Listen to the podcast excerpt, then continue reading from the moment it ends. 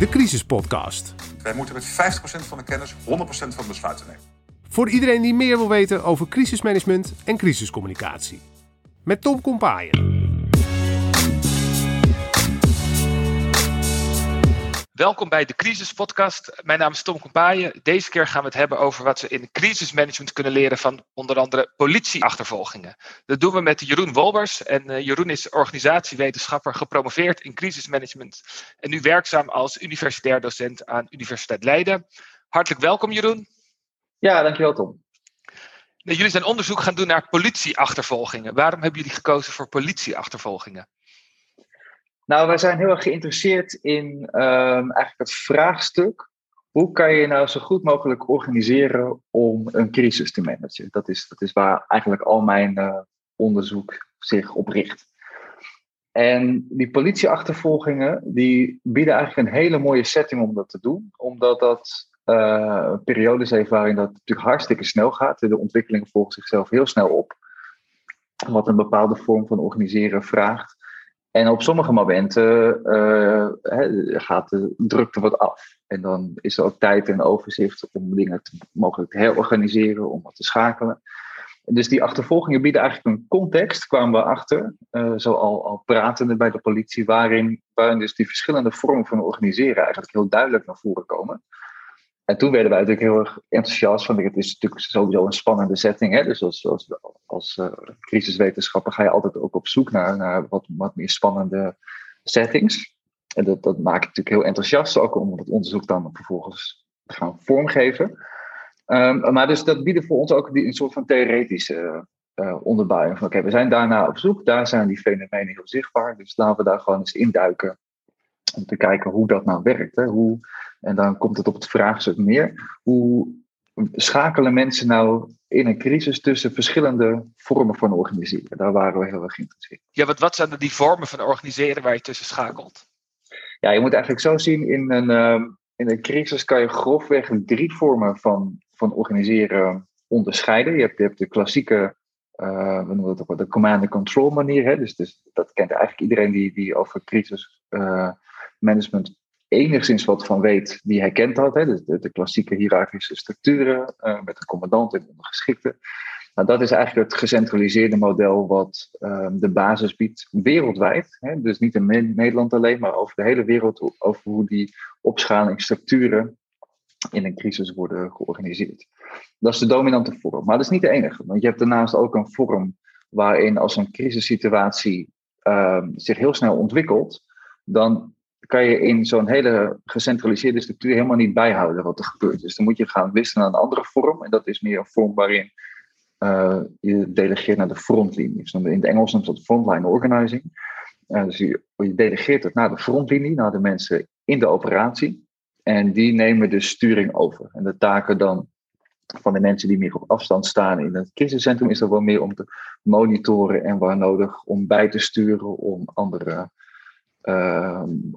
bronnen of eenheden uh, zo te organiseren dat die daarop kunnen aanvullen. Want je, want je geeft als het ware mandaat. Je zegt, jullie mogen nu ja. binnen dit mandaat mogen jullie alles doen wat je nodig acht om dit resultaat te bereiken. Precies, ja. En dus dan zie je ook dat het, het, het zeg maar, vormgeven van dat mandaat, uh, bij de politie noemen ze dat beleidsuitgangspunten die je hebt, die je meegeeft, is dan ook echt belangrijk om die vorm uh, te organiseren.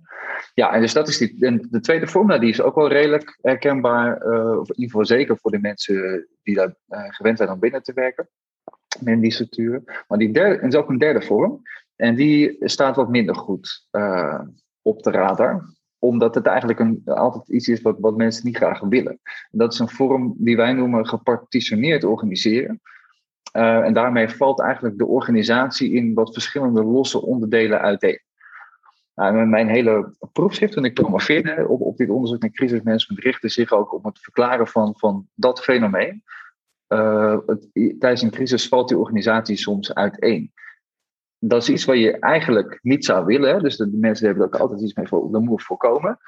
En waar, mijn, waar ik steeds meer achter kwam in mijn onderzoek is van dat is eigenlijk iets wat je niet per se kan voorkomen. Dat gebeurt gewoon in een crisis, omdat de situatie zich zo snel ontwikkelt dat mensen uh, hun eigen autonomie pakken, hun eigen dingen gaan uh, oplossen, spontaan gaan reageren op een situatie. gaan improviseren. Al dat soort processen, die wel, wel degelijk noodzakelijk zijn in de crisis, hè, die herkennen we ook gewoon. Die zorgen dat die vorm van organiseren daarin verandert. Dus wat je eigenlijk zegt, is dat we hebben strakke draaiboeken en plannen waarin eigenlijk helemaal staat goed beschreven hoe we eigenlijk uh, dat command uh, control structuur hoe die neerzetten. Maar vervolgens vallen het er eigenlijk uit elkaar, omdat ze al, allebei te veel gebeurt. En ze worden eigenlijk weken ze los van elkaar. En dat is eigenlijk niet gewenst, maar jij zegt dat is eigenlijk ook een goede organisatiestructuur. Begrijp ik dat goed? Nou ja, het is, inderdaad, het is een organisatiestructuur die, uh, waar je even heel bewust van moet zijn dat die gewoon ook voorkomt. En uh, hij is niet per se goed in de zin van dat ik zou zeggen van nou, organiseer het altijd zo. Hè, want er komen heel veel gevaren bij. Je hebt er niet goed zicht op. Je weet niet wat mensen aan het doen zijn. Je bent elkaar soms onbewust aan het tegenwerken. Maar het gebeurt wel. En het heeft met de dynamiek van de crisis te maken. En het zorgt er wel voor, en, en dat is waarom het voordelen heeft, dat je in de operatie het momentum houdt. Je houdt mensen autonoom bezig, om, zodat ze ergens op in kunnen spelen. Ja, daar wil ik straks dus even verder, uh, verder over praten. Nog even terug naar ja. die politieachtervolging. Hè? Precies. Uh, want uh, jij vertelde me ook dat jullie die gekozen hebben omdat je eigenlijk altijd een uitkomst hebt. Hè? Je hebt altijd een duidelijk resultaat. Je houdt wel of niet de dader of verdachte aan. Ja, dus je, waar je soms ook naar op zoek bent als je een crisis bestudeert, is, is lukt het nou of niet? Wat zijn nou de effecten van zo'n op, operatie? En dit was voor ons natuurlijk een heel duidelijk einddoel. Uh, zijn ze nou in staat om iemand aan te houden of ontsnapt iemand? Ja. Uh, dat is redelijk zwart-wit. En dat doet de politie met alle drie die modellen gebruiken ze daarvoor, bewust of onbewust. Ja, dus wij vroegen ons af, hè, want je ziet nog steeds in die achtervolging. Ik zal, straks zal ik even gewoon een voorbeeld doorspreken uh, met elkaar. Dat geeft ook voor de mensen die luisteren even ook wat beeld van hoe dat gaat.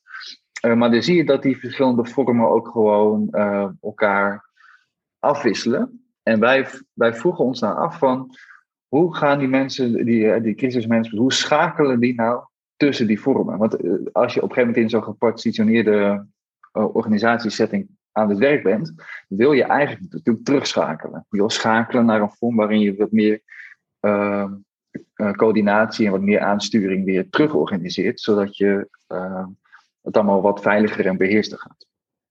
Ja, en um, hoe hebben jullie daarnaar gekeken? Zaten jullie in een meldkamer mee te luisteren naar politieachtervolging? Of kregen jullie opnames van de gesprekken na afloop? Hoe werkte dat?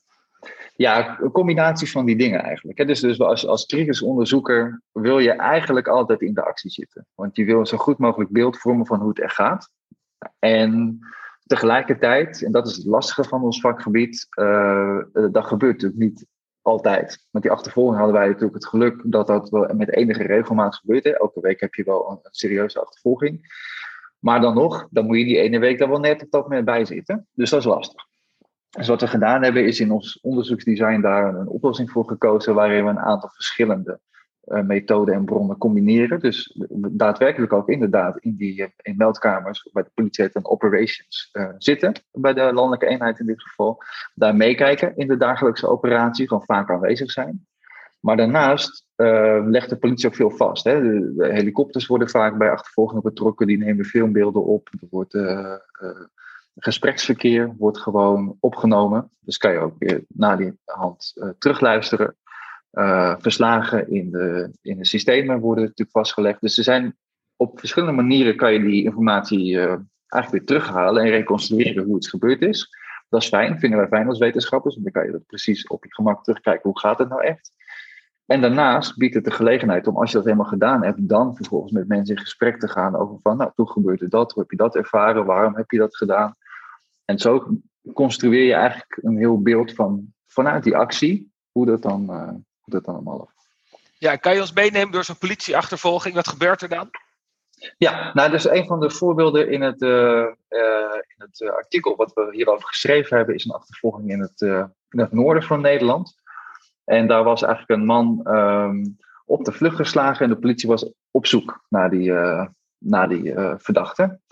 Nou, en dan op een gegeven moment dat speelt zich ochtends af en die man is gedurende de middag kunnen ze niet meer terugvinden. Tot in één keer rond een uur of half vijf uh, staan de politieeenheden op, op uh, strategische plekken gepositioneerd. En die spotten in één keer die, uh, die auto van die verdachte. Nou, en, dan, en, dan begint die achtervolging echt te lopen. En die eenheden die gaan er dan achteraan. Nou, op dat moment dat dat gebeurt, gaat die verdachte eigenlijk ontzettend hard rijden. En die vertoont heel gevaarlijk uh, rijgedrag. Ze gaat de verkeerde kant van de weg inhalen, uh, de verkeerde kant van de rotondes overschieten. Um, en dan komt er voor de politie een moment dat ze zich moeten afvragen: oké, um, is ons dit het waard? De risico's die er ontstaan om er achteraan te blijven gaan? Of moeten we afhaken? En dat is heel lastig, want eigenlijk uh, waren de feiten waarom deze verdachten uh, achtervolgens worden, waren best serieus. Dus eigenlijk wilden ze daarin wel doorgaan, maar ze realiseerden zich ook van ja, dit wordt eigenlijk te gevaarlijk, dus we moeten afhaken. Dus dat is, wordt een belangrijke besluit van wanneer gaan we nou wel of niet afhaken. Um, en ze besluiten dan op een gegeven moment om wel afstand te gaan nemen, omdat het te gevaarlijk wordt. En de risico's gewoon te groot worden. En dan gaat, begint het te schuiven. En dan zie je dus dat um, als je het over die organisatiemodellen praat, hè, dus eigenlijk ligt de sturing dan in die fase bij de frontlinie. Want die eenheden die erachter zitten hebben goed zicht erop. Uh, maar die gaan natuurlijk afhaken. Dus die verliezen dat zicht, waardoor de sturing weer terugkomt uh, bij de centrale eenheden. Die gaan proberen dingen te organiseren om toch dat zicht te krijgen. Dus dan zit je op een meldkamer of zo, centrale Precies. eenheden. Ja, Ja, gewoon ver ja. weg. Ja, ja. Ja, En je luistert die alleen de- mee.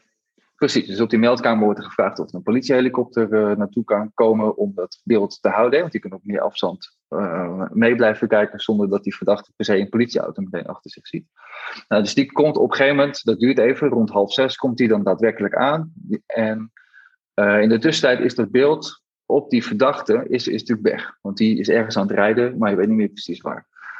En die helikopter die kan dat zicht ook niet in eerste instantie goed krijgen.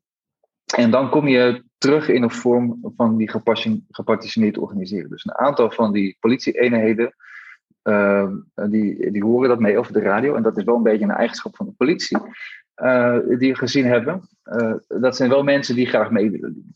Dus als die dat horen over de radio heen, er is een achtervolging plaats, je bent enigszins in de buurt, dan gaan die mensen wel kijken en proberen aan te haken. En dat gebeurt dus ook, ondanks dus dat wordt gezegd in een bepaalde gespreksgroep, met elkaar van moeten afhaken, gaan er toch alle eenheden blijven op zoek, blijven alert en, en zien die verdachten uh, soms een stukje rijden, raken hem kwijt. Andere momenten krijgen ze informatie. En op een gegeven moment kwam de informatie uit op de A7. Nou, iedereen daar naartoe. Uh, en dan vervolgens komt er een ander hij rijdt in dat stadje. En dan krijgen ze dat door en dan gaan ze weer daarheen. Dus je ziet dus dat het wordt een heel complex geheel. Um, en eigenlijk raken ze het zicht kwijt. Maar men heeft wel afgesproken in de tussentijd met bepaalde eenheden van nee, we haken af en we laten alleen niet opvallende eenheden die auto volgen. Dus op een gegeven moment wordt die dan wel weer opgepikt door eenheden. Uh, en dan kom je in de laatste fase terecht van zo'n achtervolging, of in ieder geval van deze achtervolging. Uh, en dat duurt best een tijdje hoor. Dan praat je over dat men al een, echt wel dik anderhalf uur bezig is met af en aan die verdachten proberen uh, aan te houden.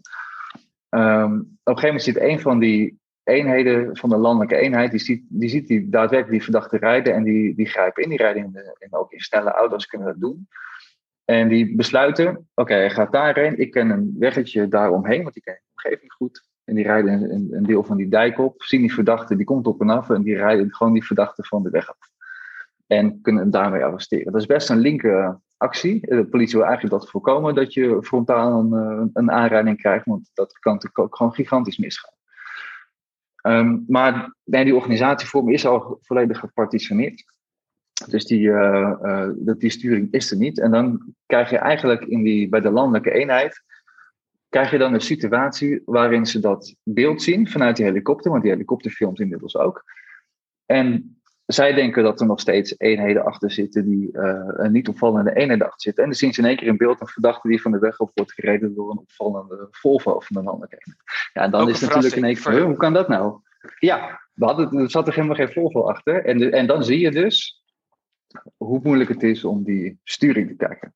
Nou, dit is dus een casus waar we zeggen van, nou, dat ging eigenlijk, eh, het gaat net goed, maar meer geluk dan wijsheid, zo te zeggen. Eh, en dat triggerde ons om in allerlei achtervolgingen te gaan kijken, maar van wat maakt dat nou wel, dat ehm, eh, zo'n verdachte wel of niet op een, op een, een veilige, goede manier kan worden aangehaald. En wat, wat viel daarin op? Wat zijn nou succesfactoren? Ja, precies. Dus wat we zagen, en daar hebben we dus een, echt een heel aantal uh, achtervolgingen uh, echt bekeken. Dus, uiteindelijk een stuk of 15 volgens mij, als ik het goed herinner. En wat dan heel erg opviel, dat is wat bij de wat meer succesvolle gecontroleerde manieren om een, om een verdachte aan te houden, dat je een actieve schakeling zag tussen aan de ene kant uh, die frontline sturing en uh, wat meer die centrale sturing. Dus daar werden op een gegeven moment zitten ze, moet je je voorstellen, dat die sturen niet bij de auto's die achter die verdachte aan zitten, maar die krijgen niet goed te pakken. Ze hebben gewoon uh, of te weinig auto's daar of niet genoeg zicht op. dan wordt door de centrale uh, commandant in, de, uh, in die meldkamer soms even de lead teruggepakt. En die gaat andere auto's daarheen organiseren. Meestal met een achtervolging heb je dan wat meer snellere auto's van de landelijke eenheid die daar worden naartoe gestuurd. Zodat die in staat zijn om volgens hun een, procedure, inboxen noemen ze dat, uh, ja, die verdachte in te sluiten en tot stoppen te dwingen. Maar dat kan alleen maar als je een zeg een drie of viertal auto's hebt, kan je dat succesvol doen. Anders kan je als verdachte daar altijd makkelijk weer uh, makkelijk, relatief makkelijk omheen rijden. Dus dat heb je nodig. Dus dat zie je dat dat snel wordt georganiseerd. Dan wordt de lead weer teruggegeven naar die frontlinie en die interveneert dan. Dat zagen we een heel aantal keer gebeuren. Dus dan zie je de schakelen tussen die uh, centrale en frontliniesturing. Die is dan in één keer, uh, geeft dan een manier om het achtervolging op een relatief veilige manier uh, op te lossen. De tweede vorm van schakelen zagen we ook terug. Want je hebt natuurlijk niet alleen die frontlinie, je hebt ook dat je schakelt naar die gepartitioneerde. Voor ons was dat ook wel een iets interessantere, want dan, dan eigenlijk zit je dan in die situatie waar je de controle niet hebt. En hoe krijg je dan die terug? Waar we daarachter kwamen is dat het heel kort doorgeven van updates van de situatie. Dus ik ben hier aan het rijden. Uh, ik ben bij dat hectometerpaaltje. We rijden zo hard. Dat dat eigenlijk cruciale factoren waren, omdat je dan andere eenheden die ook zelfsturend bezig zijn, in staat bent om op die informatie te gaan acteren. Waardoor het geheel zich enigszins zelf organiseert en dan in een situatie komt waarin je op een gegeven moment de regie terug kan pakken als even de snelheid uit die achtervolging gaat. Ja, dus, dus eh, als ik het goed begrijp, al die operationele eenheden geven constant korte updates van het beeld. Alleen dit ben ik aan het doen, heel kort feitelijk. Um, en dat luister je allemaal mee. Het strategisch niveau hoort dat ook, neem ik aan dan. Hè? Dat, dat, daar komt dat ook samen. En ja. daar ga je allemaal op handelen. Zonder dat je nou een soort overkoepelend strategisch besluit neemt. Laat je gewoon constant die brokjes informatie uh, deel je met elkaar. Ja, dus je bent dus niet actief aan het sturen van jij moet dat doen, jij moet dat doen. Maar je gaat eigenlijk door die informatiepositie op een bepaalde manier neer te zetten, ondersteun je eigenlijk het principe van zelfsturing. Ja, en kunnen we dan nu de, sl de, de, de, slag maken naar crisisteams en crisisorganisatie als we het niet meer over politieachtervolgingen hebben? Wat kunnen we ja. daar dan van leren? Nou, wat je vooral ziet is dat het dus uh, heel erg van belang is om te realiseren dat die verschillende vormen van organiseren bestaan. En dat je. Uh, dit vindt met name dus in hele snel ontwikkelende crisis uh, plaats. Hè? Dus dat is wel van belang. Is bepaald type crisis wat we natuurlijk onderzoeken. Um, en daar is het gewoon heel erg van belang om uh, te realiseren dat die vorm van schakeling erin zit. Dat je daar dus ook op kan gaan organiseren en leren om dat te doen. En dat een aantal, in, in, in die papers halen we een aantal uh, facetten aan waar je op kan organiseren. Dus inderdaad, uh, informatie blijven geven, het, opnieuw inrichten van uh, de resources, zeggen we dan, van, van, de, van de eenheden of bronnen die je tot je beschikking hebt. Dat zijn allemaal belangrijke onderdelen um, om dat mogelijk te maken. En dan zie je dus ook dat, dat je wel een beetje van het idee moet afstappen van we hebben een commandostructuur en de hoogste commandant weet het beste en die die volgen we. Dat is dus niet hoe, uh, hoe die organisatievormen werken. En die rol van die commandant is eigenlijk veel meer om te zorgen dat die brokjes informatie allemaal gedeeld worden, mensen updates geven en daar zelf op handelen, dan door het allemaal te verzamelen, over na te gaan denken en dan een soort overkoepelend besluit te nemen. Zeg ik dat goed? Ja, dus dat is de dynamiek inderdaad in, in dit soort uh, snel ontwikkelende crisissituaties. En heel ja. praktisch, hè? Ik, ik, zit in een veiligheidsregio of ik heb een bedrijf en ik heb het met crisisteams uh, aan het organiseren. Gewoon uh, voorbereiden, hoe doen we dat met een crisis? Wat zou ik dan praktisch kunnen doen om dit soort zaken goed toe te passen? Nou kijk, het, het, het punt met ehm, wat je ziet in de, in de manier waarop uh, mensen vooral getraind en, opgeleid worden, uh, zit hem heel erg in het uitleren van die structuren, van die rollen. Heel veel kenmerken van die, van die, van die eerste vorm van organiseren staan eigenlijk centraal. Um, en wat je steeds meer ziet, en dat is ontwikkeling, en die, die vinden breder plaats. Hè. Bijvoorbeeld bij Defensie is daar een hele ontwikkeling plaats. Nou, bijvoorbeeld commanders intent. Dat is het idee dat je als commandant een bepaalde intentie uitgeeft. En de rest van de eenheden dan in staat zijn om op basis daarvan zelf te gaan organiseren. Dus dan zie je eigenlijk dat er veel meer um, ja, die ontwikkeling gaande is. Dat, dat je ook uh, autonomie um, en zelfsturing uh, aan het uh, professionaliseren bent. Dus je geeft het oogmerk mee. Is dat hetzelfde intent en oogmerk of is dat wat anders?